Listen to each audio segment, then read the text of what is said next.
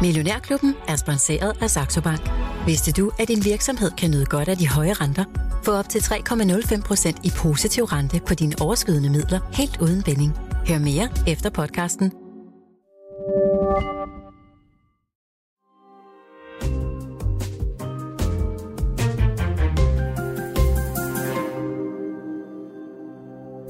Millionærklubben fra Jørgen Vester med Bodil Johanne Gansel.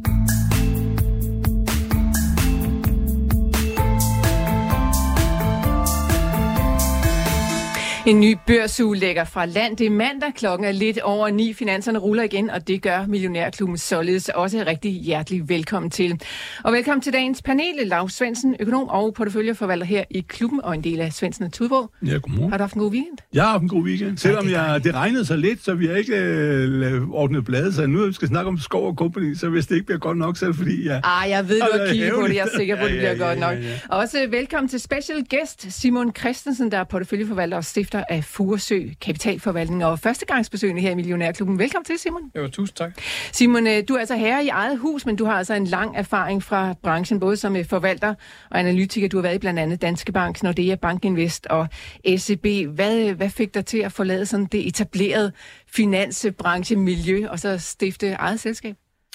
Jamen, jeg synes, det har været en, øh, det har været en, en prioritet af, at øh, selvfølgelig vil jeg gerne øh, prøve noget nyt efter at have været 20 år i branchen. Mhm. Øh, at være en, øh, en uafhængig kapitalforvalter, det giver også nogle frihedsgrader, både i forhold til, øh, hvor langsigtigt du kan være, øh, og i forhold til, hvad der er for nogle selskaber, du, øh, du, vil, du vil beskæftige dig med. Og også hvor koncentreret en portefølje du kan køre. Øhm, og det bliver en koncentreret portefølje, som vi, vi lancerer øh, forhåbentlig i, i starten af næste år. Ja, fordi jeg er sådan set næsten lige gået i gang, så det er måske lidt, uh, lidt tidligt at tale om præcis, hvad det er. Men du er, du er allerede begyndt ligesom at bygge den der portefølje op, og vi skal også snakke om nogle af de aktier, som, øh, som du er lun på. Mm. Uh, hvad er det for en type af kunder, du tænker, der skal komme til jer? Det, det er typisk uh, private banking kunder eller mindre family offices, Okay. som vi, uh, vi satser på at, at kunne, kunne få ind i folden som, uh, som kunder. Men ingen uh, godkendelse fra det lidt langsomme finanstilsyn endnu, så derfor så, øh, ja, så venter det altså lidt derude i fremtiden. I dag der skal vi også tale om fremtiden. Den er som bekendt svær at spå om, men der er dog nogle ting, som vi med relativt stor sandsynlighed kan sige vil ske, og hvad det handler om, det vender vi altså tilbage til lidt senere i udsendelsen. Lars Svendsen, vi skal have styr Ja. på dagens marked. Hvad sker der derude? Jamen, Jeg det, tænker, øh, vi skal kigge på Novo, for Ja, det er jo altså op. en... Det er jo op, det er op, det er op. Det er op den for er nu. op med 3,5 procent i 716, og det, som til syvende driver det hele det lige nu, er, øh, er, at der har været en, en stor konference, er fortsat, så vidt jeg ved ikke, jeg er vist ikke færdig endnu, og i USA, hvor de har øh, fremlagt data for, hvordan det går med alle deres produkter, og at de jo så også hjælper på det øh, på, mod kardiovaskulære helbred på, på, på, på mennesker, og det er jo slet ikke nogen overraskelse, men øh, det burde det jo gøre, og det gør det også. Men øh, så, så det er sådan lidt øh, data, øh, grundlaget er, bliver udvidet, og det er jo hele tiden, hvis du har et produkt, man tid eller de produkter, du har, at de får flere og flere positive egenskaber. Ikke? Der er også nogen, der mener, at man kan bruge øh, semaglutid mod, mod øh, Parkinson og, og alkoholisme, og jeg ved. Semaglutid, som er aktivstoffet Ja. i Wegovy og Ozempic. Og, øh, og, og, og, det vil jeg sige, hvis du har det, så, øh, så, øh, så er det jo fantastisk. Så er du jo nærmest sådan en jack of all trades, som kan, kan løse alle problemer. Ikke? Men, men øh, det der er, ligger jo op af det felt, de er i forvejen. Ikke? Men, men det er jo så også det gode ved det, at forleden dag kom jo eller lille, eller fik eller lille sin godkendelse i USA. Ikke? Og øh, de der data, som de øh, viser frem, som jeg øh, øh, på, efter vægt, forstår jeg en lille smule bedre ikke? Øh, end, end Novo. Og det øh, gør så, at, øh, at så synes de, de står lidt i skyggen. Men altså, det er jo ikke noget, der betyder noget i praksis, vel? Altså det er det, man skal huske, det der med, om du taber dig 15 eller 18.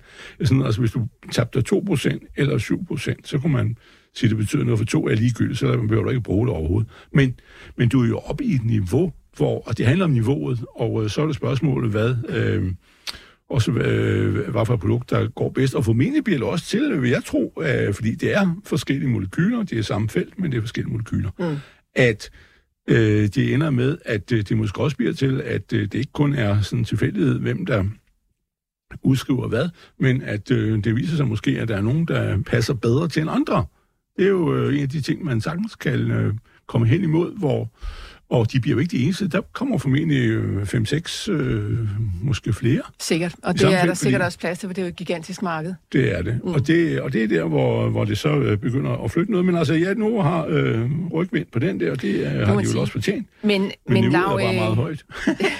niveauet er meget højt. Ja, ja. Det var altså det her Select-studie, som de har haft kørende i ganske mange år. Altså et ja. kæmpe, omfattende studie. Altså noget af det, der overraskede mig mest, og det kan være, at jeg bare ikke har været opdateret på, hvad der foregår i Novo, men det var altså, de jo også er ude at sige, at det her middel altså også har en forebyggende indsats på diabetes. To tredjedel af dem, som havde blodsukkerniveauer, som indikerede, at der ville være øh, risiko for, at de skulle udvikle diabetes, ja, de fik altså nedsat den risiko med 73 procent. Det lyder ja. da helt vanvittigt. Nej, det synes jeg ikke, fordi det er jo den med, altså i min optik, nu jeg, øh, som, det er altid det, man passe på, når man taler om sådan noget, hvor der sidder nogle fagfolk rundt omkring, øh, hvad man siger, at, at generelt er det jo sådan, at hvis du øh, øh, øh har kontrol over din vægt og din øh, motion og alt det der, og du spiser øh, øh pænt og ikke øh, fuldstændig forrygte ting, øh, æder ned på McDonald's hver aften, så så øh, kan du holde din diabetes nede, og det er jo også det, man normalt gør, når øh, selv diabetes 1 til at begynde med, mindre det er øh, rigtig eksploderet. Så, øh, så, så, så kan du jo ligesom holde det stangen, og det er jo det felt, du kommer ind i. Det er jo også derfor, at du har balladen med, eller at, at, øh, at type 2 diabetes og øh, fedme er jo positivt korreleret. Så derfor så er det jo, hvis du ligesom kan holde øh, alt det der fra, fra livet, så bliver det meget bedre. Men, men det der med, de taler jo om, at altså, fedme alt efter, hvornår er man svært overvægtig, hvornår man, øh, og altid det offentlige ord, du bruger. Men det er jo op mod mellem 800 og 1 milliard mennesker. Mm. Altså, det er jo... Det er jo, det er jo, øh, og, og så er vi ikke skal tage den hårde udgave det der med, hvor mange mennesker sulter på jorden. Ja, det er jo, det svinger jo noget, men altså i de rigtige år er vi vist nede på under 100 millioner, og de værste år er du oppe på 300 millioner. Altså det er, jo, ja. det er, jo, det er jo sådan noget at gøre, hvordan verden er skruet sammen, men, men, men det er altså et enormt tal jo. Mm. Men noget af det, som øh, Martin Holtz Lange var begejstret for i hans øh, udmelding, han er koncernudviklingsdirektør i Novo, det var jo altså lige mm. præcis det med, at altså, de får også nogle fordele ved at kunne være mere end i citationstegn bare sådan et vægttabsmiddel, ja. fordi der er stadigvæk en masse stigma omkring det her vægttab, og der er jo altså nogle steder, man synes, at øh, folk kan da bare lade være med at proppe i hovedet eller et eller andet, ja, ja, ja. og der skal, det skal vi ikke bruge øh, offentlige midler til at støtte den slags øh, medicin. Ja. Så øh, måske kommer de videre til at være på et andet niveau, så det ikke altså, kun handler om vægttab. Ja, det er jo så det der med, om man ligesom skal, øh, skal lave, også om man skal lave restriktioner på det, skal man også stille krav til, øh, til mennesker, og hvad de, de skal opføre sig. Ikke? Men det er jo ligesom mere den anden vej rundt. Men der er jo det ved det også, der er jo et produkt, der også ligger lige op af. Det er jo det, der er lever som jo er øh, også, det er jo en sygdomsområde, man ikke rigtig, man er begyndt øh, med de første produkter, findes faktisk nu, men øh, men, men det er også et, øh, ligesom, at, at du ekspanderer ud af en, af en linje, ikke? Og, det, øh, og det er ligesom det, og det bliver, hvis det kommer, så bliver det jo også stort, men altså meget færre mennesker. Men når du går ind i, hvad kan man kalde det for, det her paranormale område, hvor det ikke er en øh, fuldstændig veldefineret sygdom, men øh, paranormalt, så, øh, så udvides din mark jo enormt. Mm. Og, det, og det er jo det, der er, er, er problemet. Nu, ikke, nu skal vi jo ikke øh, tage det på forskud med, at du snakker om, men skal komme og snakke om inden for øh, sundhed og mediko og alt det der. Men altså, også når vores levealder øh, stiger, så får du jo flere øh, øh, øh, ældre mennesker, som, og endnu, endnu ældre, ældre, ældre, ældre ikke? Det er klart. Som, som har, får problemer. Ikke? Og det er jo det med kinesernes befolkning. Den vokser jo kun, fordi der bliver flere gamle. Det, der bliver født færre, men der, øh, befolkningen den er, nu er faktisk hvis lige kippet. Ikke? Ja. Men, øh, men, øh, men det er jo fordi, deres alder ja. Nå, men alt det, det vender vi ja. tilbage til. Ude hos Novo, der hviler de selvfølgelig heller ikke på lavbærene. De taler altså også allerede om anden generations semaglutid som hvis nok hedder noget i retning af kagrisema eller noget i... Ja, jeg ved ikke, hvordan man udtaler det. Men det skal vi nok uh, få lært, for jeg er sikker på, at vi kommer til at tale rigtig meget om det også. Det er altså i uh, fase 2-studier uh, lige nu, og det viser altså rigtig gode uh, resultater. Selvfølgelig endnu bedre end semaglutid. Ja, måske ja, vokser jo... træerne ikke ind i himlen, men vi må se, hvad der sker. Ja, så har vi jo lige en variation også. Det er, at at øh, det her jo, øh, nu prøver vi igen de farlige tekniske ting, det er jo, at man kan jo få semaglutid som øh, en tablet også og ikke som injektion. Og der hedder en rybelsus til øh, type 2-diabetes. Og det er jo nok der, det kommer hen af. Men det er altså bare lidt den finurlighed ved det. Hvis du tager rybelsus, så skal du have sådan en tablet hver dag, og ikke en gang om ugen. Øh, og, øh, og de mængder, du skal bruge, bliver endnu større. Og problemet i øjeblikket er jo, at der er øh, ikke mængder nok Altså, der er jo problemer med at skaffe mm. tilstrækkeligt meget tid. Så derfor så øh, er det jo ligesom, jeg har faktisk indtryk, om det kan godt være, nu, nu kan vi få dem efter os derude, men at de egentlig øh, øh, prøver på ikke at sælge Rybelsus, fordi de vil hellere sælge mere øh, som injektions altså hvor du prikker dig under huden, ikke? Fordi der er problemer med at skaffe varen. Så hvis hvis alle lige pludselig skulle have rubelsus, så... Mm, Nå, så jeg får gang i de skovle ja. op i Kalundborg, ja, der er brug for det, det må man sige. Lars Svendsen, nok om ja. en Novo, som jeg altså dagens er helt store historie, fordi de har altså lagt... Øh, resultater på bordet ved American Heart Association-konferencen i løbet af weekenden. Vi skal til et uh, hængeparti fra i fredags, herr Svendsen, Nå ja, fordi at uh, Karin, hun vil gerne have, at vi kigget lidt på skov, og der kommer regnskab i morgen, tror jeg det er. Ja, det er jo ja. det. Så øh, Svendsen, øh, du ja. har kigget lidt i det her i weekenden. Ja, ja, hvad, ja, hvad synes du? Ja, det har jeg. Og, og jamen, jeg mener, at skov er en, en langsigtet god investeringsmulighed. Den koster 470, og øhm, de har jo sendt en formelding ud om regnskabet for tredje kvartal, det kom for en uges tid siden, som skulle være faktisk lidt øh, bedre i forhold til deres tidligere forventning, som var, at det ville flove noget af i år. Men men øh, så, så, så det burde jo blive meget pænt, det der skal komme i morgen. Så det er, det er en langsigtet køb. Det er, øh, nu, altså, du kommer tallene i morgen, så er det måske en god idé lige at vente på, på, på det hele, hvor du så kan knække det ned. Der er jo, øh, er det ikke, 5-6 virksomheder, han egentlig har. Det er sådan en, en koncern, en, en konglomerat, ja, ja. som med meget forskellige ting. Men, øh, men altså det, som er mit store forbehold, eller mit forbehold for den, det er egentlig, at Øh, det er selvfølgelig, at det her bunden, skal vi vente på, at det kommer helt ned i 400, men det tror jeg egentlig ikke, han gør. Men, så den er, den er der nok nu, men, men det er, at de har ekspanderet de sidste to opkøb, de har lavet, der var store. De, de har altså en noget anden struktur, end det, de havde i forvejen. Fordi øh, egentlig har Skovs succes bygget på, at de havde nogle virksomheder, som de købte til en meget rimelig pris, ja, måske sådan, altså ikke, de var ikke noget, de, de stjal, men altså, de, de vigtige ikke en, en fornuftig pris, men det var nogen, der var sådan specialiseret. Nogle havde produkter, som talte. Blandt Biomar har de der fiskefoder, vi har øh, indre Hydra Spækma, som er lavet noget hydraulik, ting og sager blandt andet til vindmøller. Og så har vi de der to Fibertex-selskaber, øh, som også er specialiseret blandt andet de her membraner til, til, til blæer, så, så tisset ikke ryger, eller menstruationsblod, eller for noget, ikke ryger ud igen. Ikke? Men de to sidste, de har købt, det er jo, dem har de så til gengæld fået og, og fornuftigt billigt, de er ligesom lønintensive og altså mange ansatte, og det er de andre ikke. Det er sådan nogle fabrikker, der bare står og kører og kører og kører, og noget af det i Malaysia og sådan noget. Men, men det er en anden form for forretning. Der skal du også holde styr på mange ting, og det er jo så GPV, og det kommer så den gode og den historie, det er, at GPV er underleverandør, hvor man laver arbejde for andre, altså sådan øh, kontraktarbejde. Og øh, hvis du så tilbagefører ting til Europa, som man jo taler meget, altså i stedet for Kina og alt det der, ikke? så skulle de jo få mere at lave, men, øh, og det gør de jo også, men, men altså det er jo så, jo, til begyndelsen var det sådan noget måske mindre serie, men sådan restordre og sådan noget, men nu øh, er det også større ting. Men problemet er så, at det er jo noget, hvor du skal have frygtelig styr over folk. Det er en anden parameter, og tilsvarende gælder den der Borg Automotive, der renoverer øh, bildelen, der er slidt, altså bremser og koblinger og alle sådan nogle ting. Og det gør, at øh, altså, der, der skal man styr over, over, over. Det er et ledelsesproblem. Og det er det, jeg egentlig frygter mest, og måske mest GPV. De er lagt sammen med en svensk virksomhed, som bor i Schweiz og sådan noget. Men, så det blev en kæmpe... Altså, der er mange hoveder. Og det er så det, der problemet. Kan de finde ud af det? Fordi det andet der, det kører sådan meget stringent, og de ved, hvad de laver og sådan noget. Og der er produktmæssig styrke. Her er det at, at, at, at, at skulle holde styr på, om folk laver noget, og altså gå rundt og så der er lidt uh, gynger og karuseller i den ja, der det er det med, det, ja, men de går godt nu, og de går godt. også med at sige, så længe den bølge kører videre med, at der bliver mere og mere at lave med det derhjemme. Flagning til Europa, produktion og sådan noget. De har også noget i Mexico og Thailand og hvad vi har, men, men altså, at det, det er bare en lidt anden risiko. Fordi det skal man være klar over. At du skal tro på, at, det der, øh, at de kan holde det der styr på den der kæmpe butik der. Yes.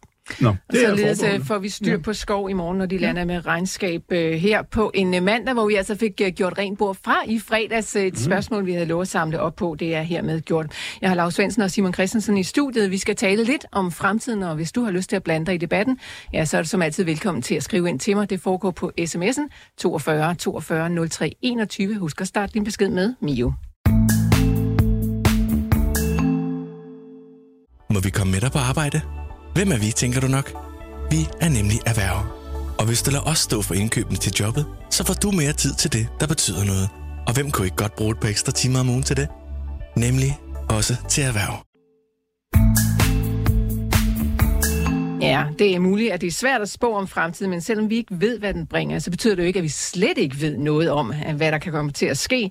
Alting er jo ikke fuldstændig tilfældigt derude. Simon Christensen, øh, en af de ting, vi rent faktisk ved noget om, og som er ret væsentlig i investeringsmæssig sammenhæng, det er den demografiske udvikling. Det er noget, som du har dykket ned i og, og kigget nærmere på. Mm. Øhm, først og fremmest, inden vi lige går i gang med den snak, hvorfor er det overhovedet vigtigt at vide noget om den demografiske udvikling, når man investerer?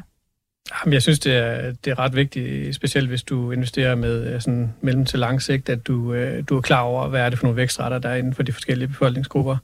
Øh, du nævnte, Laura, også, at vi lever længere, og der bliver flere, flere og flere ældre, og det er også en væsentlig øh, øh, sige, faktor, som, som gør, at din, din toplinje for selskaber, som, som, øh, som opererer inden for det her felt, måske øh, ligger en lille smule højere end hvad kan man sige, den generelle, mm. det generelle marked. Så, så, så derfor interesserer vi os for det, og også fordi, at vi, vi, øh, vi investerer inden for, for seks forskellige øh, øh, markeder, og en af de markeder, det er inden for sundhedssektoren, hvor den her udvikling i, i demografi og selvfølgelig også sundhedstilstanden er ekstremt vigtig. Øh, og hvor langt ude i fremtiden kigger du så, når du skal prøve at blive øh, klogere på, hvordan øh, demografien den udvikler sig? Demografi er jo ikke noget, der rykker sig fra dag til dag, øh, og øh, jeg synes, at det, man skal holde sig for øje, det er, hvad er det, hvad er det for nogle vækstrater, vi ser inden for de forskellige grupper. Øh, og så kan man øh, mappe det op mod, øh, mod forskellige virksomheder, som, øh, som er eksponeret mod de forskellige grupper. Mm. Øhm, og hvis man ser frem mod, øh, hvad kan man sige, øh, 2050, det er jo meget, meget lang tid, øh, hvor vi har en, hvad kan man sige, en investeringshorisont på omkring fem år. Øh, jamen, hvis man kigger mod, mod 2060 og tager udgangspunkt i de data, øh, hvis vi skal nævne dem fra, fra, fra FN, øh, jamen så vil man se, at man, man, øh, man har cirka 20 procent flere indbyggere globalt set frem mod 2050, og der er ret stor forskel på øh, de forskellige regioner. Øh, cirka 60 procent af den her befolkning, befolkningstilvækst øh, kommer faktisk fra Afrika, Men så hvis vi kigger mod øh, USA, øh, vokser man omkring 10 procent. Hvis man kigger mod Asien, vokser man omkring 12 procent. Men øh, nu nævnte Lav også øh, Kina. Øh, Kina er jo øh, sådan lidt the odd one out i, i Asien, øh, og øh, hvis man ser øh, frem mod øh, 2050, så falder det, som jeg lige husker, omkring 8 procent. Men efter 2050 er der en meget, meget markant øh, påvirkning i Kina fra de her 30-35 år med etbarnspolitik. Øh, og man vil se, at antallet af indbyggere falder med omkring 40 procent fra 2022-niveauet og frem til 2100, og arbejdsstyrken falder med omkring 60 procent. Og det er selvfølgelig ret væsentligt, når der man taler omkring økonomisk vækst, men også øh, holder sig det for øje, at der er simpelthen ikke lige så meget, øh, lige så høj stigning i, i arbejdsstyrken i nogle områder af verden. Øh, og det skal man selvfølgelig også tage med i sine, uh, sin betragtninger. Så Simon, de her data, du læner dig op af, øh, og alle de her procentsatser, du nu øh, smider på bordet til os, altså er det noget, der gør, at du sådan holder dig fra at investere i nogle regioner, og nærmere går ind i andre regioner? Altså flytter du rundt på penge efter dem? Øh, på den korte bane, nej. Det, det gør jeg ikke. Altså det, jeg gerne vil prøve at, at finde ud af, det er øh, netop øh, inden for aldersammensætning og sundhedstilstanden. Hvad, hvad sker der der? Og hvis man taler omkring øh, alderssammensætningen, jamen så øh, kommer man ind i et, øh, hvad kan man sige, et tidsperspektiv, hvor det bliver meget mere operativt, rent investeringsmæssigt. Øh, antallet af ældre, det forventer man, det stiger med 30 procent globalt set frem mod, øh, mod 2030. Øh, og det bliver faktisk fordoblet, hvis vi kigger frem mod, øh, mod 2050. Øhm, og det betyder simpelthen, at hvis du øh, eksponerer dig mod nogle virksomheder, som udelukkende er øh, sælger til den aldrende del af befolkningen, undskyld, så vil du have en, en, en toplinjevækst, eller en volumenvækst, på omkring 3 procentpoint om året, lidt mere faktisk.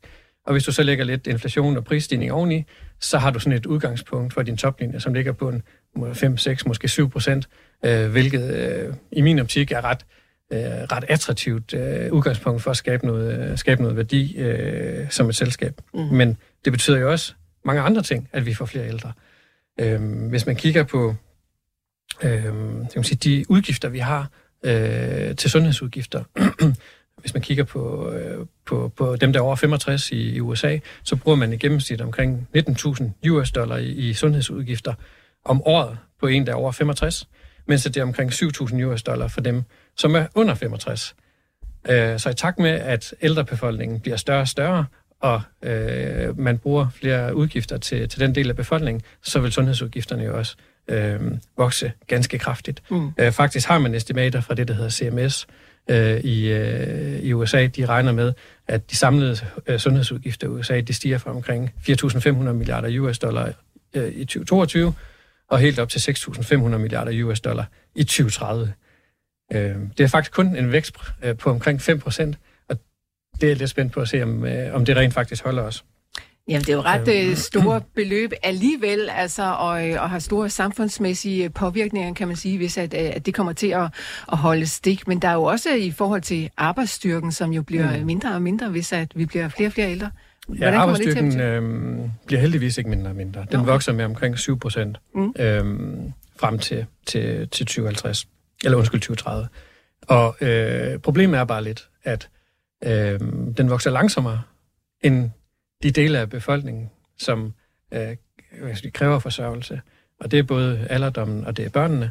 Øh, men inden for sundhed, så kan man jo sige, jamen, øh, i dag har du, som jeg husker det, omkring 6-7 øh, personer i arbejdsstyrken globalt set, per person, der er over 65. Og hen mod 2050, så falder det hen til omkring 3-4 personer. Mm. Så det er klart, at det bliver færre og færre til at betale for mere og mere. Og kan vi opretholde den samme kvalitet i sundhedssystemet, som, som vi har i dag, eller vil man overgå til Øh, at der bliver mere egenbetaling, øh, og måske også øh, uden for USA, hvor sundhedsforsikring er jo meget, meget bredt udbredt, at få et, et, et sundhedsforsikringsmarked, som, som måske bliver meget større. Mm. Men, men det er jo også derfor herhjemme, at man jo, mine børn, de skal jo arbejde til de par 70. Altså, vi, det, det er ikke engang løgn, altså det, øh, hvis de der regler, som man nu har ned på et stykke papir. Ja, hvis de holder. jo, jo, ja. det er heller ikke sikkert, at de holder, men, men altså, det, er jo, det er jo rent faktisk tilfældet, at man vil rykke pensionsalderen opad, ikke? Og, og i Danmark regner vi jo med 14 år som den tid, man vil tillade folk at være på pension. Ikke? Ja. Og det bedste, der kan ske, det er i virkeligheden, at man har noget medicin, så folk, de er ligesom, det er ligesom hockeystaven. Vi skal, der, der hockeystaven, jeg bliver mere og mere begejstret for den. Vi, nå, jamen, det er ligesom at miljøet af det andet der. Hockeystaven, ikke? Altså, vi skal, I skal prøve at være sund og rask, og så lige i de sidste år, så bim, så ryger jeg op, så er helt galt, ikke? og så dør du. Altså, nej, fordi frem for, at du begynder, hvis du hele tiden skal... Øh... Det er samfundssind. Nå jo, men jamen, altså, okay. du skal løbe rundt og have, have mere og mere hjælp øh, med det samme, når du ja. når op over et eller andet og siger, nu har jeg krav på det ene, og jeg skal have fået nusseri og alt muligt. Nej, du skal bare køre hockeystav, du og så bum til sidst. Nej, nu er det blevet for sent, nu kan vi ikke gøre noget. Men Simon, der kommer altså en ret øh, ja, øh, bemærkelsesværdig udvikling i øh, alderssammensætning så frem mod, øh, mod 2050, og sygdomsbilledet vil sikkert også udvikle sig, og sundhedsudgifterne, det kan være, at de bliver meget større, eller hvad vi er. Er det sådan ens globalt set, eller er der en store forskel regionalt i verden på det? Øh, altså, hvis man kigger på de tal for, for antallet af ældre, jamen så er der jo, øh, hvis vi kigger frem mod 2030, som jeg sagde, omkring 30% stigning i, øh, i, i dem, der er over 65. Øh, der vil være en lidt lavere stigningstakt i Europa, øh, omkring 25% i USA, 30% i Kina.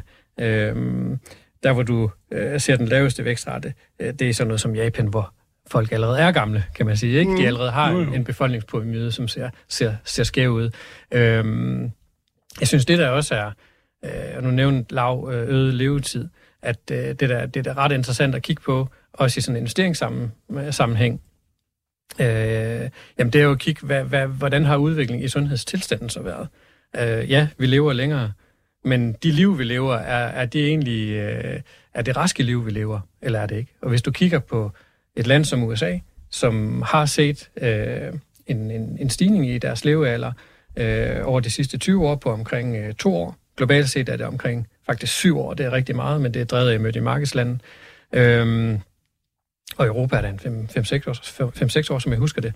Men hvis du kigger på USA, så kan man se, at man kan gå ind i øh, WHO, de har sådan nogle tal for, for hvad er den, øh, de kalder det for HALE, eller Health Adjusted Life Expectancy, altså det antal af år, øh, du lever, hvor du er rask.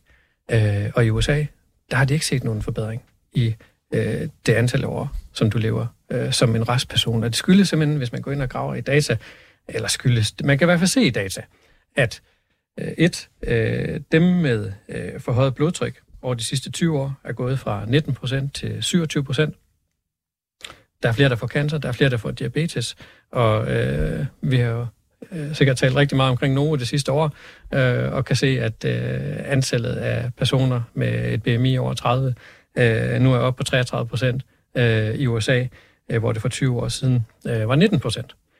Og Lav, du nævnte tal på omkring øh, en milliard øh, mennesker med, Ja, med, med, med. BMI 800 over 30. milliarder, ja. Det er fuldstændig rigtigt. Det ligger omkring 980 millioner. Øhm, og hvis man kigger ind i det, der hedder øh, World Obesity øh, data, så vil man se, at de faktisk fremskriver det ud i 2035 øh, til omkring 2 milliarder øh, mennesker med BMI over 30. Ja. Øhm, og det har jo store øh, sundhedsmæssige konsekvenser. Så når du taler om øh, sygdomsbilledet generelt, og, og taler om, at øh, sundhedsudgifterne de kommer til at, øh, at stige voldsomt også frem mod 2050, er der er, er, er sådan noget som fedme, er det med i de tal, ved du det? Øh, jamen, jeg går ud fra, at CMS, som er Center for Medicare og Medicaid, de øh, er dygtige til at, til at regne. Mm. Øh, det, det, jeg synes, der er interessant at se, det er jo faktisk, at de udgifter, der er til receptpligtig medicin, de udgør jo ikke størstedelen af øh, de her 4.500 milliarder US dollar. Det er jo øh, øh, hospitaler og Det så videre. Hele Ja, ja. infrastrukturen omkring det her Ja. er ekstremt dyr.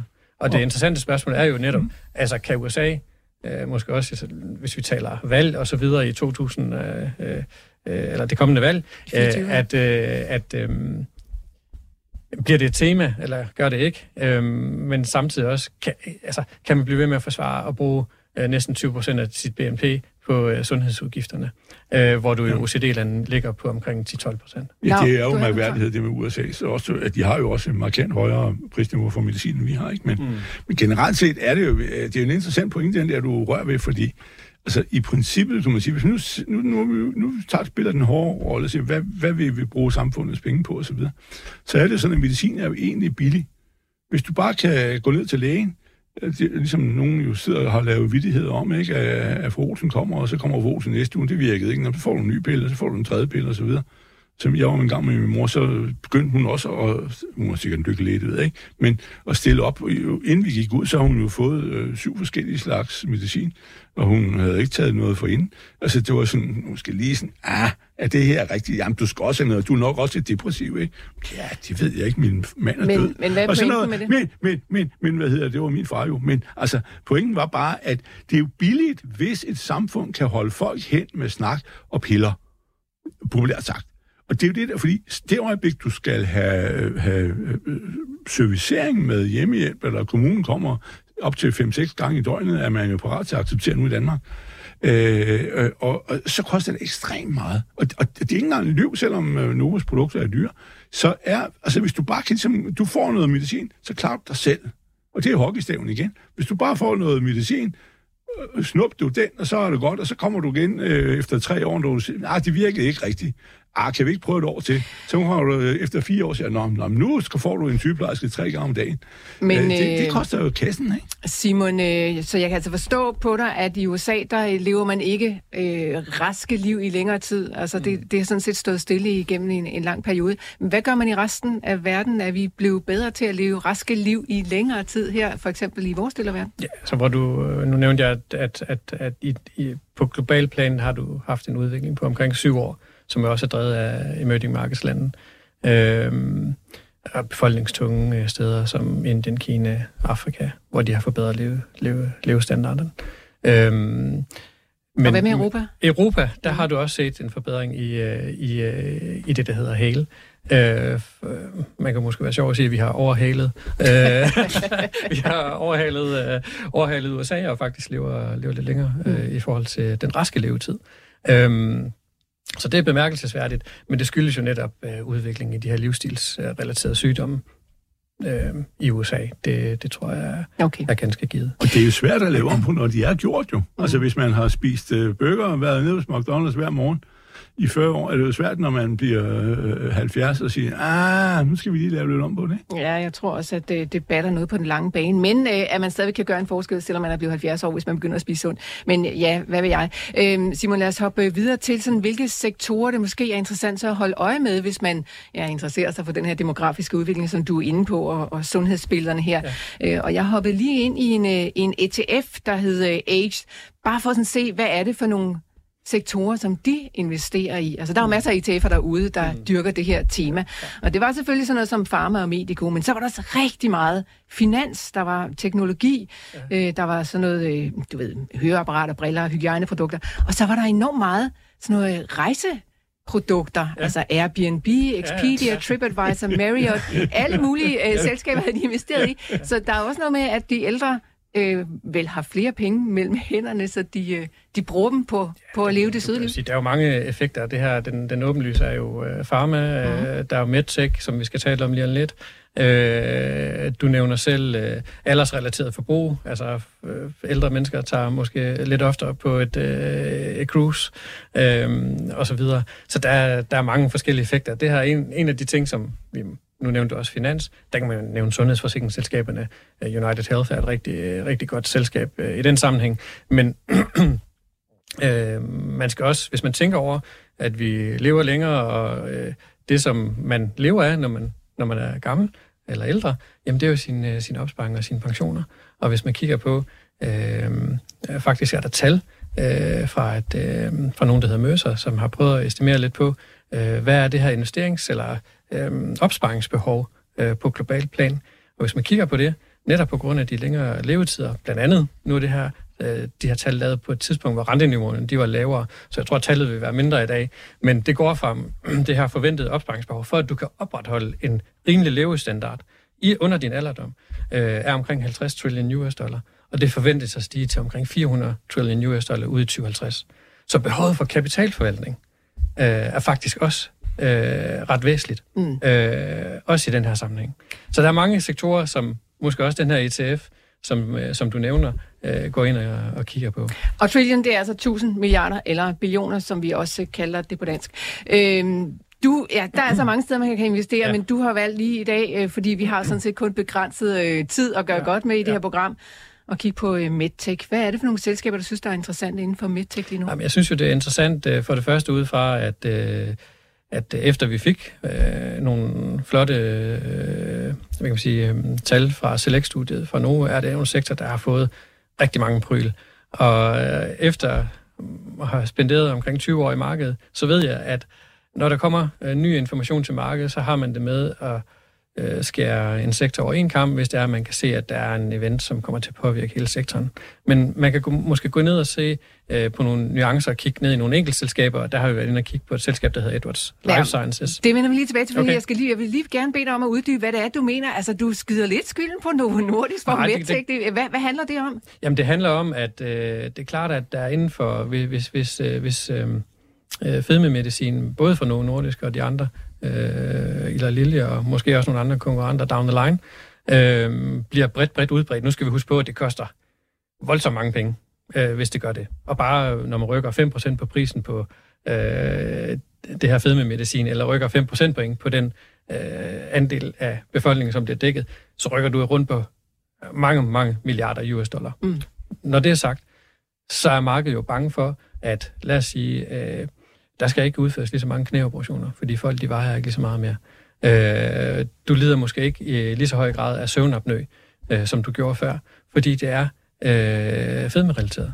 Så øh, der er mange inden for medtech-sektoren, som, øh, som har fået nogle, nogle stry øh, på baggrund af det her. Mm. Øh, og lige nu, der tror jeg, at der er mange investorer, som, øh, som, som jeg vil ikke sige, de går rundt om den varme grød, men, men går og, og prøver at lave deres, øh, deres hjemmearbejde inden for den her sektor, prøve at finde ud af, at der er nogle af dem her, der bliver udstraffet unødvendigt. Okay. Og så kigger du altså på et selskab, der hedder Edwards Life Science, og den handler på New York Stock Exchange og har tickerkoden EW, hvis man, selv, hvis man selv vil ind og kigge lidt på den. Simon, hvad er det for et selskab? Jamen, øh, i Furesø Global Kvalitetsaktier investerer vi kun i kvalitetsselskaber, og Edwards Life Science det er et selskab, der er høj kvalitet. Vi synes, de har været rigtig dygtige til at vise øh, en god innovationsevne. Øh, de har en høj rentabilitet, øh, laver EBIT-marginer på omkring 30 procent, afkast på investeret kapital sådan mellem 25 og 26 procent efter skat. Øh, de har net cash, altså de har en gæld, øh, har været i stand til at vokse øh, rigtig pænt. Men hvad laver de så? Øh, en af de lidelser, man kan lide af, når det er, at øh, man bliver øh, ældre, øh, det er det, der hedder aortastenose. Nu bliver det lidt teknisk, men aortastenose, det er en indsnævring af din aorta-hjerteklap. Vi har fire hjerteklapper, og aorta-hjerteklappen, det er der, hvor du pumper blodet øh, ud i kroppen igennem. Øhm, den kan indsnævres med alderen. Øh, hvis du er, lad os sige, 40 år gammel, er der nærmest ingen risiko for, at du får det. Men er du 75 år, eller er du 80 år, så er det måske sådan mellem 5-7-8 procent sandsynlighed eller risiko for, at du får det. Så man kan sige, tak med, at folk bliver ældre og ældre, så kommer der flere og flere patienter. Hvis du kigger 10-15 år tilbage, så vil du sige, at hvis du skal udskifte din hjerteklap, så vil du skulle have skåret din brystkasse op, du skulle tilkobles en hjerte-lunge-maskine, og du vil have en meget lang genoptræningsperiode. Øh, det her Sapien-produkt, som udgør omkring 65 øh, procent af omsætningen hos øh, Edwards Life Science, det er en øh, nyere metode, som øh, kom på markedet i 2011. Her laver du et lille snit øh, ned i lysken, så kører du et kateter op igennem den øh, blodår, som går hen og bliver aorta, og så kører du en hjerteklap op, som er primært det, det sælger, igennem det her kateter og ind i den gamle hjerteklap, aorta hjerteklap åbning, og så hiver du kateter ud igen, og så kan du gå hjem efter to dage. Så man kan sige det, at øh, den her procedure er blevet meget øh, mindre invasiv og meget, mere, eller meget mindre voldsom, har gjort, at dit marked øh, er blevet meget større. Dem, der lider af alvorlig, alvorlig øh, aortastenose, øh, der var der for 15 år siden måske kun 5-6 procent, der bliver behandlet, og i dag er der omkring 12 procent, der bliver behandlet. Og selskabet selv, Edwards, regner med, at øh, dem, der bliver behandlet med alvorlig aortastenose, øh, den andel kan komme op omkring 16, 17, 18 procent. Og bare det alene, afhængig af hvilken tidshorisont du kigger på, kan give dig sådan 4-5 procent organisk vækst for det her selskab. Oven i det, man, man kan sige, vil være en normal vækstrate for et selskab inden for, for den her sektor. Så, så de regner med, at de kan fordoble deres salg hen mod øh, 2028. Men øh, altså, det, altså, jeg kan godt høre, at der er et øh, gigantisk marked, og et marked, der formentlig bliver større med mm. årene. Mm. Men sådan den der teknologi, er det sådan øh, revolutionerende, at man kan gå op igennem lysken i stedet for? Det var revolutionerende på, på det her tidspunkt, og man har jo også kunnet øh, udvikle nye platforme øh, på den her Sapien-teknologi. Jeg tror, du er på tredje eller fjerde øh, upgrade af, af den her teknologi, og begyndt at få øh, hvad kan man sige, væv ind i de her øh, hjerteklapper, som, som stammer fra dyr, øh, få længere durability på, eller øh, levetid på, øh, på dine hjerteklapper, øh, hvilket også er ekstremt vigtigt, hvis det er, at du kigger på de markeder, som de altså ud over dem, der lider af svær aortastenose, hvor du faktisk har en sandsynlighed for at dø inden for fem år på 50 procent, og efter, undskyld, efter to år på 50 procent, og efter fem år har du omkring 80 procent sandsynlighed for at dø. Mm. Men de vil gerne bevæge sig op i markedet, øh, eller op i markedet. De vil gerne bevæge sig ind i det marked for dem, der har en moderat øh, tilstand af det her aortastenose. Hvis man kigger på den population, øh, jamen så øh, er den dobbelt så stor som dem, der har øh, den alvorlige aortastenose. Øhm, så det giver selvfølgelig nogle vækstmuligheder, men det gør jo også, at din, din, din durability af den hjerteklap, der sidder derinde, den skal forlænges.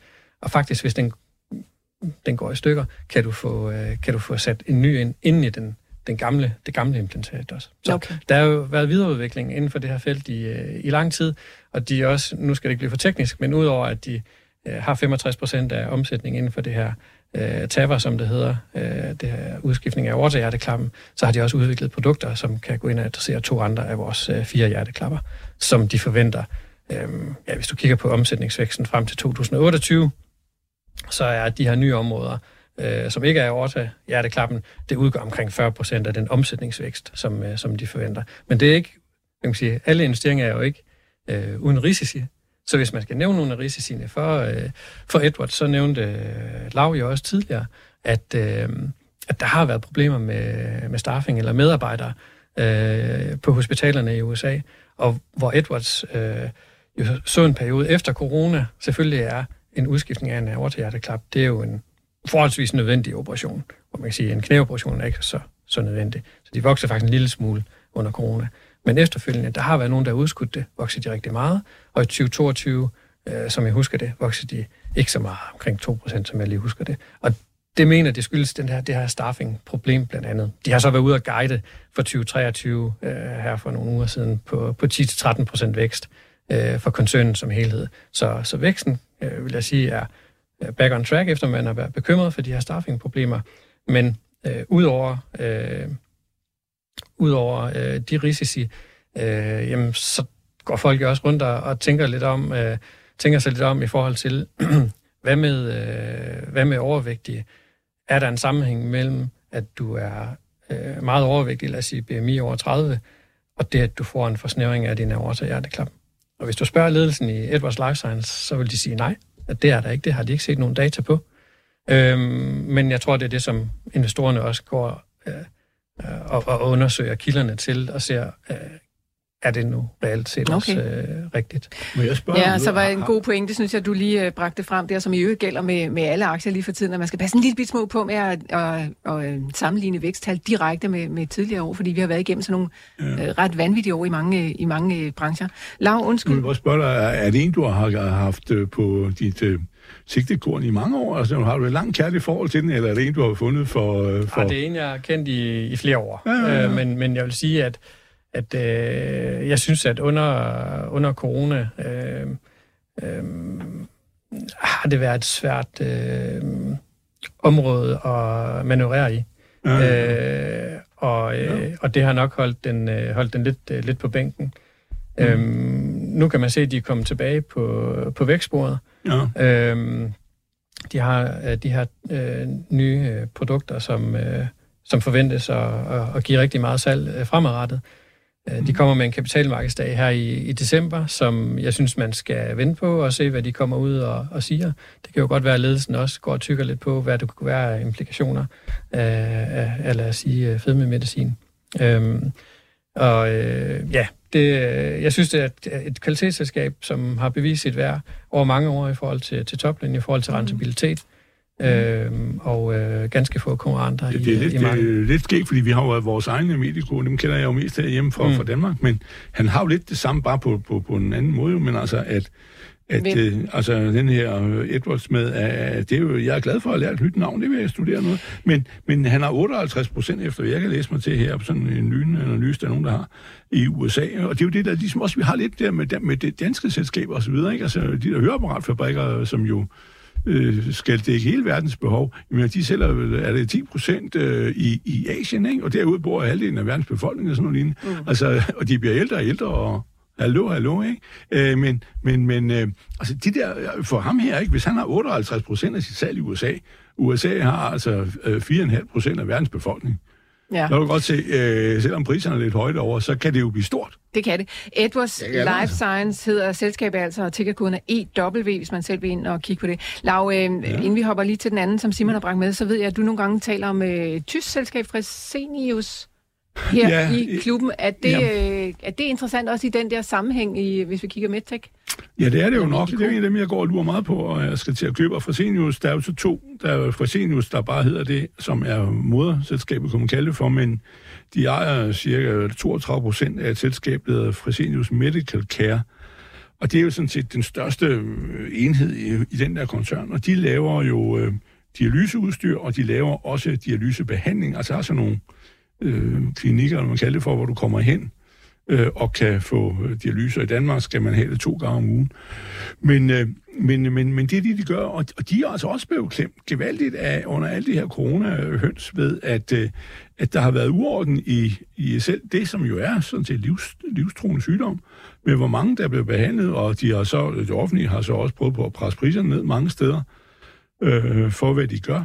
Og, og, og, og der er altså sådan, øh, mener jeg, øh, begrundet formodning om, at det skal tilbage. Men så var det, så kom den her Nova-historie. Det er jo den sidste drag over nakken, de fik, som jo kom ud af, hvis nu, at, øh, at øh, fedme kan bekæmpe, bekæmpe hvad hedder det, diabetesproblemer og også øh, dermed nyreproblemer, jamen så bliver der ikke brug for så meget af det, og så faldt den, jeg tror, den faldt faktisk, det tog et dyk på det, på cirka 10 procent, og så rejste den så lidt, fordi altså, øh, alle de her mennesker, som er i, hvis man tænker sig, at Novos øh, vidundermedicin kan løse alle problemer i løbet af 5-7 år, jamen så vil der jo stadigvæk være alle dem, der er på vej igennem Ja. øh, køen, som man ikke kan lave om. Ikke? Mm.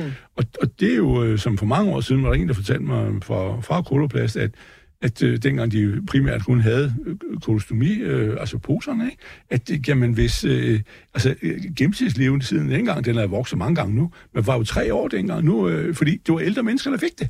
Øh, altså det her kraft, ondskab og, og fra, fra, fra, fra tarmsystemet. Men det er det så heldigvis blevet større i dag, ikke? og nu er de flere produkter. Men altså problemet er, at der er jo nogle mekanikker omkring strukturen i det. Det er det. Som, og derfor er jeg jo nok sige, at ham her fra Senius, som jeg mener er øh, i sig selv øh, veldrevet nok osv. Men, men det viser lidt om, at de der virksomheder er blevet presset. Sven- øh, Persson taler jo hver dag ud af dag ind om de her to svenskere, ikke? Getinge og Elektra, Ja. som er noget med ryggen og med sådan noget u- hvad hedder, operationsudstyr. Så øh, ja, men det Øh, betyder øh, jo så også, hvis de bliver presset, at der måske er noget guld at kunne samle op. Ja, ja, og der skal jo skiftes ud, når, hvis man ligger og sparer på det hele, og de hellere vil lave byggesjusk, end de vil behandle os på sygehusene, ikke? Det er jo det, vi har i dag i Danmark, ikke? Men øh, vi er så heldigvis kun lille, jamen det er da det, der sker. Øh, så kan de bruge pengene på det. Jeg har fået Øh, meget god behandling på hospitalet. Jamen, det gjorde det også, det gjorde jeg også, men øh, problemet er, at man skal jo vente længe for Nå, at komme frem. øh, Nå, Lad os men, hoppe øh, videre til ja. øh, den næste aktie, som du Ja, har taget med til os, på? øh, Simon, øh, som jeg tænker måske lidt flere danskere kender i forhold til Edwards Life Science i hvert fald. Den hedder Carl Zeiss Meditech, og Mm. øh, ja, hvis man er brillebruger eller er vant til at gå til øjenlæge, så kan det være, at man sådan har bemærket lige præcis det navn. øh, Ja, så vil man steder. sikkert, øh, sikkert kende den. Øhm, lad mig starte med at sige, at jeg synes, at Carl Zeiss Meditech, øh, det er et kvalitetsselskab, men det er, øh, på kvalitetsskalaen er det øh, lidt lavere, end hvor jeg vil placere Edwards Life Science. Mm. Det skyldes blandt andet øh, deres marginniveauer, øh, deres ejerskabsstruktur, også på, øh, vil jeg sige, på den operationelle risiko er det, er, det, er det lidt lavere kvalitet. Men jeg synes, det er et selskab, som, øh, som jeg blev interesseret i, både ud fra hvad kan man sige, de her analyser af de demografiske udvikling, øh, men også fordi, at man for det her selskab kan se en, en ret klar sådan, øh, fremgang på marginen hen over de, øh, de næste, øh, næste tre år. Men øh, ja, Carl Zeiss Meditech, de laver udstyr til at diagnostisere og behandle øjensygdomme. Og der er mange, eller der er nogle øjensygdomme, og mange af dem, som de har eksponering til, som er, som er relateret til alderdom. Øh, det er selvfølgelig aldersyn eller langsynlighed. Det er øh, grå stær, øh, hvor du skal ind og have lavet en operation, hvor du får øh, taget din linse ud og får det udskiftet med et øh, implantat af en linse. Ew. Øh, og øh, så har man også faktisk en, en, en eksponering til nogle af de sådan, mere livsstilsrelaterede øh, hvad kan man sige, tendenser inden for Carl Zeiss. Øh, en af dem er selvfølgelig øh, diabetes, fordi der er nogle øjensygdomme, der er relateret til diabetes. Men en anden er egentlig, at ude i Asien er øh, prævalensen eller andelen af befolkningen, som, som lider af, af nærsynlighed, faktisk øh, ganske øh, Øh, meget højere end andre steder. Og det her er der været lavet nogle undersøgelser omkring, øh, og nogle af dem, øh, det som de peger på, det er, at øh, i nogle af de her lande, øh, som har et højt indbyggertal, der er der sådan en high performance uddannelseskultur, øh, hvor børn i en ung alder kommer til at læse øh, rigtig meget, øh, og det skaber altså det her nærsynlighed. Og samtidig så øh, peger man jo også på, at øh, vi bruger mere og mere tid på at kigge på vores, øh, vores skærme, øh, øh, og øh, bruger mindre tid udenfor faktisk. Og det kan være en af årsagerne til, at, øh, at man faktisk forventer, at, at den her prævalens af nærsynlighed, den kommer til at stige øh, ganske kraftigt i mange år øh, fremadrettet. Og det nyder Carl Zeiss Meditech rigtig godt af.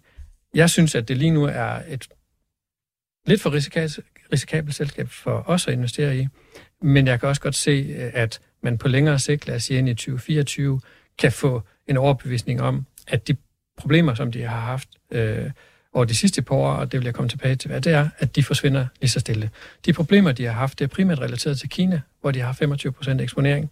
Efter covid øh, har de ikke oplevet den, man kan sige, den efterspørgsel, som de, øh, de måske skulle, og derfor så har distributørerne ude i Kina ned, haft behov for at nedbringe deres lager, specielt det, der hedder consumables. Og consumables for et medtech-selskab øh, er meget, meget høj margin. Så når de nedbringer lærerne af det, så rammer det din margin. Et, eller Carl Zeiss Meditech, de regner med, at de kan lave 20% EBIT-margin øh, på et tidspunkt. Formentlig 2025 er det, de sådan, øh, prøver at kommunikere. Men lige nu, der er de altså ramt af den her lærernedbringelse, som koster omkring 200 basispunkter på marginen. Øh, og de er også i gåseøjne ramt af, at de bruger rigtig mange penge på forskning og udvikling lige nu, omkring 17 procent af deres omsætning, hvor de normalt bruger omkring 15 procent. Så du kan sådan sige, alt i alt har det faktisk kostet dem omkring 400 basispunkter på, øh, på deres øh, EBIT-margin, øh, de her to ting. Og over de næste tre år, der vil jeg tro, at øh, det mere eller mindre er væk. Øh, så det kan jeg godt lide. Mm. Men, øh, men det kan godt være lidt støj på den korte bane. Og derfor, Er der nogen konkurrenter? Det er der vel, men altså, er det nogen, man kan have nogen mening om, hvem er? Sådan noget? Ja, altså de har, de har jo sådan lidt inden for forskellige dele. Ja. Der er et svejse selskab, jeg mener, det hedder Anko, øh, som jeg lige øh, husker. Eller Ancon, jeg kan ikke huske Det er ikke nøjagtigt. Alcon, men Jo, det kan også være det. Jeg kan simpelthen ikke det huske er det. jo, øh, Øh, men de, øh, fra, de har inden, udover øh, inden for det her øh, ophthalmology, som mm. er øjensygdom, ja. øh, der har de, som jeg husker det, mellem 20-40 procent markedsandel ja, ja, ja. for de forskellige øh, områder af det. Øh, og inden for det, der hedder microsurgery, mm. øh, øh, som er omkring 20 procent af deres omsætning, mm. der har de omkring 60 procent markedsandel. Øh, og der er en række konkurrenter inden for ophthalmology, men jeg kan simpelthen ikke øh, nævne øh, alle, alle navne. Jeg har også det der salgslogan, same size, fits all.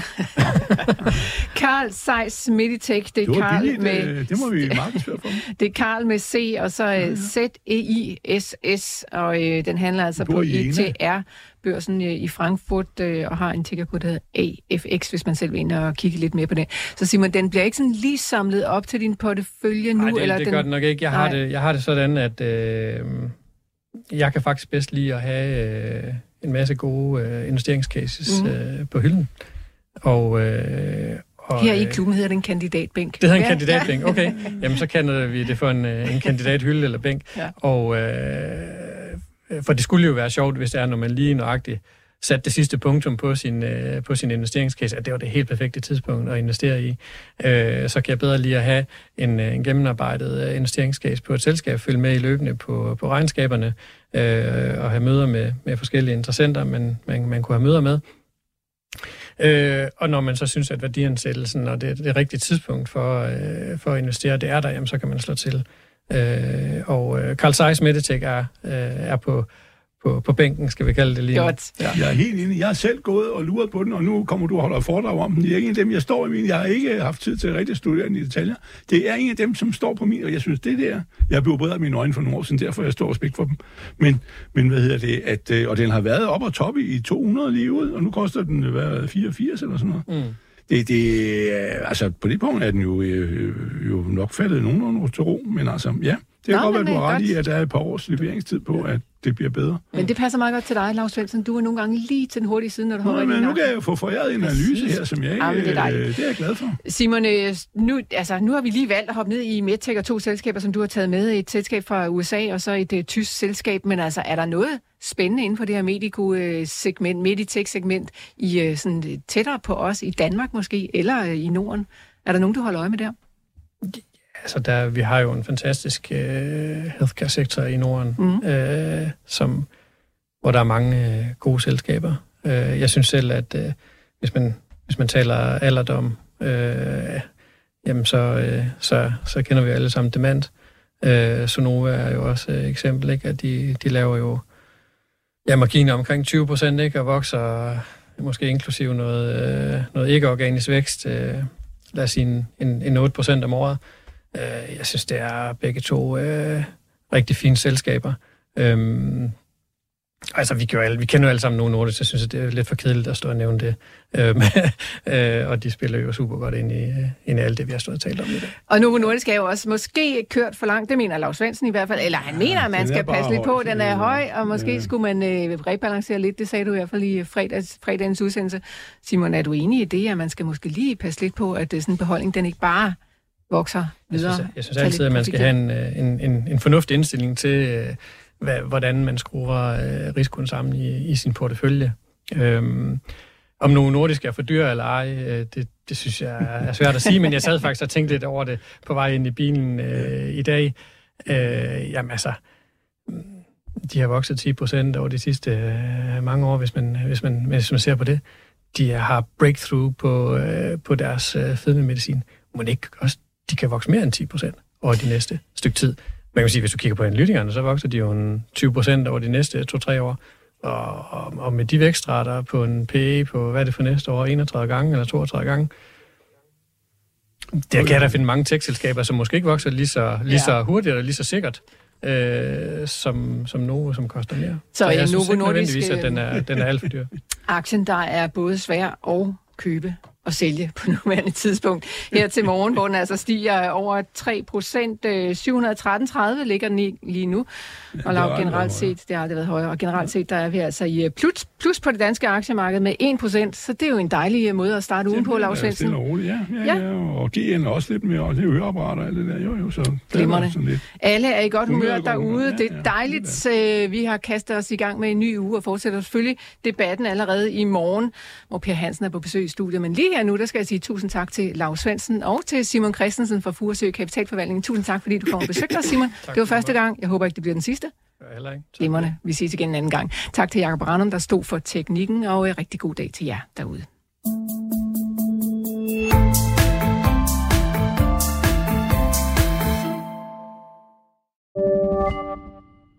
Podcasten er sponsoreret af Saxo Bank. Forbrugerrådet Tænk anbefaler en aktiesparekonto i Saxo Bank. Med en aktiesparekonto i Saxo kan du investere i dine yndlingsaktier, ETF'er og investeringsforeninger til en fordelagtig afkastskat på kun 17% Fra 2024 kan du indsætte helt op til 135.900 kroner. Det er gratis og tager kun få minutter at oprette en aktiesparekonto. Opret en gratis konto på saxobank.dk og find inspiration til din næste investering.